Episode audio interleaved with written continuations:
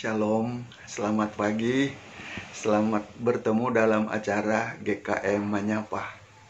Bacaan kita pagi ini diambil dari kitab Injil Lukas pasal 19 ayat 10 yang berbunyi, Sebab anak manusia datang untuk mencari dan menyelamatkan yang hilang.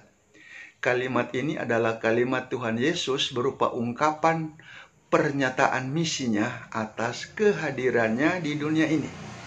Di dalam kalimat ini kita bertemu dengan dua kata kerja yakni mencari dan menyelamatkan atau search and rescue dan ini mengingatkan kita pada tim yang kita kenal dengan tim SAR. Ternyata jauh sebelum tim SAR itu ada yang bertujuan untuk mencari dan menyelamatkan manusia ketika mengalami bencana, Tuhan Yesus sudah menyematkan dua kata ini untuk dirinya sendiri sebagai pernyataan misinya. Nah, apa yang membedakan tim SAR dengan Yesus jika keduanya mengenakan kata mencari dan menyelamatkan? Bagi tim SAR, makna mencari dan menyelamatkan itu terbatas, yakni hanya sebatas menemukan dan menolong orang secara fisik, baik itu yang masih hidup ataupun telah meninggal pasca bencana.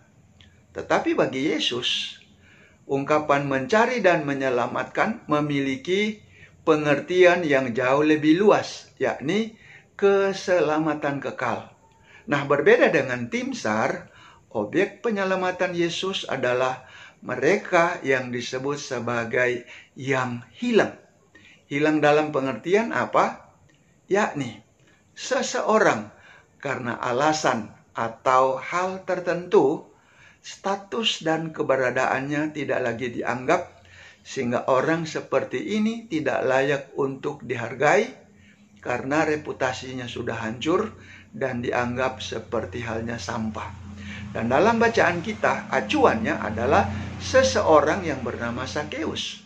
Karena ia berprofesi sebagai pemungut cukai, maka oleh orang sebangsanya, Sakeus ditolak dan tidak diakui oleh komunitas Yahudi, bahkan menjadi sasaran untuk dibully tetapi syukurlah kehancuran reputasi Sakeus sehingga ia ditolak dalam komunitas Yahudi terdeteksi oleh sinyal kasih dari Tuhan kita Yesus Kristus. Kasihnya itulah yang menggerakkan Yesus sehingga ia boleh masuk ke kota Yericho. Dalam artian, Yesus mencari dan menemui Sakeus. Dan Yesus bukan hanya mau menumpang di rumah Sakeus, tetapi mengangkat harkat dan martabat Sakeus dengan menyebut bahwa Sakeus adalah anak Abraham. Lukas 19 ayat 9 sekaligus Tuhan Yesus menyelamatkan seisi dari rumah Sakeus. Saudara-saudara, perlakuan orang Yahudi kepada Sakeus mungkin saja terjadi dalam kehidupan kita kita dapat saja menjadi orang yang mengalami penolakan, bukan hanya di tengah kehidupan bermasyarakat, tetapi juga dalam kehidupan berjemaat, bahkan di tengah keluarga kita sendiri sekalipun.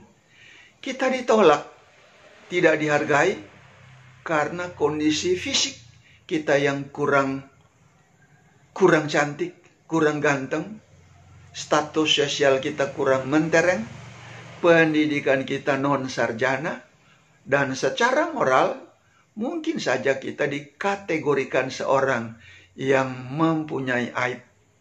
Bahkan kita bisa saja tidak diterima karena kondisi kesehatan berhubung mengidap penyakit tertentu. Dengan kondisi seperti ini, bisa jadi kita menjadi orang yang putus asa karena terpuruk, malu, sampai-sampai mempunyai hasrat untuk mengakhiri hidup ini saja. Tetapi, tahukah saudara apa yang Sakeus lakukan saat dia mengalami kondisi buruk berupa kesepian dan hampa? Dalam harapannya, ia ingat Yesus. Itulah sebabnya ia rindu bertemu dengan Yesus. Dan ketika momentum untuk bertemu Yesus itu datang, Sakeus memanfaatkan kesempatan itu meskipun peluangnya itu sempit.